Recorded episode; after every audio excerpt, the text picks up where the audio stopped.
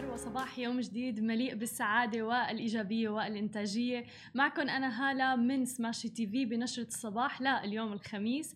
واليوم بنشرة الصباح رح نحكي أكيد عن انتهاء برنامج التعقيم الوطني في دولة الإمارات. بالإضافة إلى ذلك بدنا نحكي عن الوضع الاقتصادي في لبنان وأسعار النفط وأداة جديدة من أمازون لمحبي التكنولوجيا. خليكم معنا. خلونا نبدأ بأول خبر معنا لليوم. بكل سعادة أنقل لكم خبر انتهاء برنامج التعقيم الوطني في دولة الإمارات والسماح بحرية الخروج طوال اليوم بدون أي تقييد للحركة. حيث أعلن المتحدث الرسمي من الهيئة الوطنية لإدارة الأزمات والطوارئ والكوارث الدكتور سيف الظاهري عن اكتمال برنامج التعقيم الوطني في أرجاء الدولة كافة اعتبارا من يوم أمس الأربعاء. وجاء ذلك خلال الإحاطة الإعلامية الدورية لحكومة الإمارات. وإليكم أبرز ما جاء فيها. أول شيء أنه دولة الإمارات ستستمر في إجراء الفحوص بوتيرة مرتفعة جدا حيث تم إجراء 44 ألف تقريبا فحص جديد كشف عن تسجيل 450 إصابة جديدة. عم تتلقى جميعها الرعاية الصحية اللازمة. ليصل بذلك إجمالي عدد حالات المسجلة في الدولة إلى 46 ألف حالة إصابة حتى الآن. وأعلنت الآن عن شفاء أيضا 700 حالة تقريبا بفيروس كورونا. ليبلغ عدد الإجمالي لحالات الشفاء أكثر من 34 ألف حالة شفاء في دولة الإمارات. وأما عن إمارة أبو ظبي فمنع حركة التنقل إلى إمارة أبو ظبي ما زال قائما حتى تعلن لجنة إدارة الطوارئ والأزمات والكوارث الناجمة عن جائحة كورونا في إمارة أبو ظبي غير ذلك.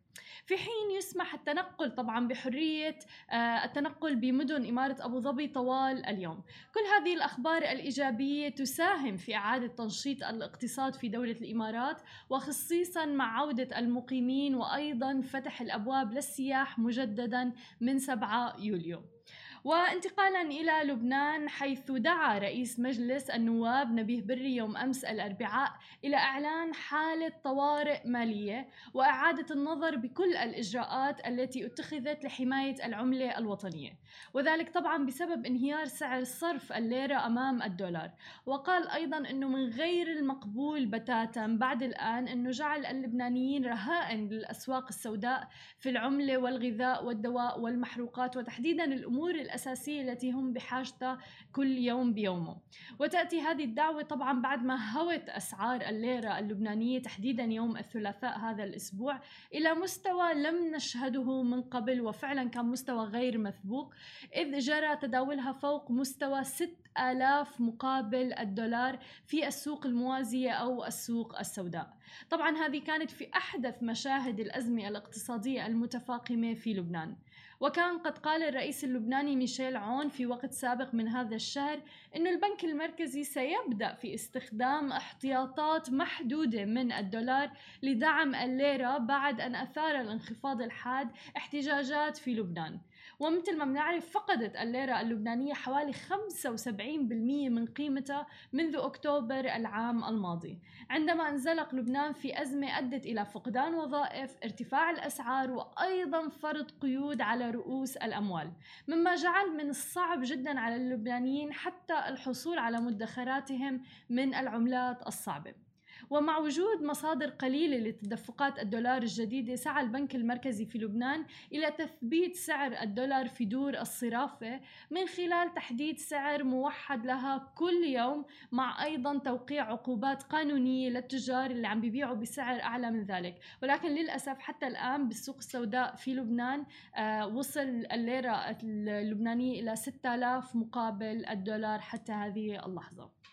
وانتقالا إلى عالم التكنولوجيا حيث أطلقت عملاقة التكنولوجيا أمازون أداة جديدة اسمها Honeycode بتساعد كل شركة على إنشاء مواقع أو حتى تطبيق خاص بها لإدارة المشاريع في الشركة من دون ما يكون عندكم أي خبرة بالبرمجة أو حتى بال coding طبعا كل هذا مربوط ب database اللي هي بال AWS Amazon Web Services لخدمات الحوسبة السحابية من أمازون.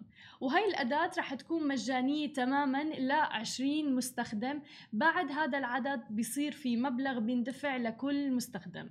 وأداة Honeycode فيها template أو مثل قوالب جاهزة للاستبيانات والجداول وأيضا قوائم تتبع العملاء والمستخدمين وحتى الموظفين في الشركة وغيرها. وبنظر أمازون آه، طبعا أنه الناس كلها بتعتمد بشكل كتير كبير على ال Excel sheet لهذه الأشياء ولكن كل هذا الآن رح يكون بمكان واحد بأداة واحدة واللي هي Honeycode وممكن تخصيص كل شيء بدكم إياه ب Honeycode حتى الأشخاص اللي مسموح لهم برؤية الإشعارات والموافقات والمشاريع وغيرها. يعني مثلا إذا بدكم تعطوا موافقة على budget معينة بالشركة لفريق معين بالشركة فأنتم ما انكم بحاجة إنه كل الشركة لازم تشوف هذا الإشعار. ممكن تخصصوه لمثلا آه، فريق ال marketing أو department ال marketing أو التسويق فقط لحالها. فحلو خلونا نشوف هلأ حاليا متوفر الآن هذه الأداة بأمريكا ولكن بعد فترة قليلة رح نشوفها في العالم كله. وانتقالا إلى خبرنا الأخير وأكيد عن آخر مستجدات أسعار النفط حيث هوت أسعار النفط أكثر من 5% بما يزيد على دولارين للبرميل الواحد. بعد أن سجلت مخزونات الخام الامريكي مستوى قياسي جديد مع تجدد ارتفاع حالات الإصابة بفيروس كورونا بدول عديدة مثل ألمانيا وأيضا بمناطق كثيفة السكان بالولايات المتحدة الأمريكية. وشهدت الولايات المتحدة الأمريكية ثاني أكبر زيادة في الإصابات منذ بداية جائحة فيروس كورونا. وأيضا ثمت زيادات أيضا في الصين أمريكا اللاتينية الهند مما أثار قلق المستثمرين بشكل كتير كبير وضغط وأثر على أسعار النفط. وتحدد سعر تسوية خام برنت عند 40.31 دولار للبرميل الواحد منخفض 2.32 دولار بما يعادل 5.4% كان برنت سجل الثلاثاء أعلى سعر له منذ أوائل مارس أذار أي قبيل أن تعصف بالأسواق الجائحة وحرب الأسعار السعودية الروسية التي شاهدناها في أسواق النفط. هذا وقد أغلق أيضا الخام الأمريكي غرب تكساس الوسيط عند 38.01 دولار للبرميل الواحد متراجعا عند 2.36 دولار أو تقريبا 5.8 في المئة. وأيضا تأثرت الأسعار بارتفاع الدولار اللي عم يتحرك بعكس اتجاه النفط وأيضا بتراجع في الأسهم. وزادت مخزونات النفط الخام الأمريكي 1.4 مليون برميل الأسبوع الماضي متجاوزة كل توقعات المحللين في استطلاع أجرته آه، وكالة الأنباء رويترز والتي كانت لزيادة 299 ألف برميل. حسب ما ذكرته طبعا إدارة معلومات الطاقة وذلك بثالث مستوى قياسي شهدناه على التوالي لمخزون الخام الأمريكي.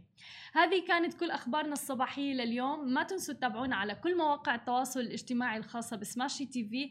تسمعوا البودكاست تبعنا وتنزلوا الأبليكيشن. نهاركم سعيد ونهاية أسبوع سعيدة للجميع.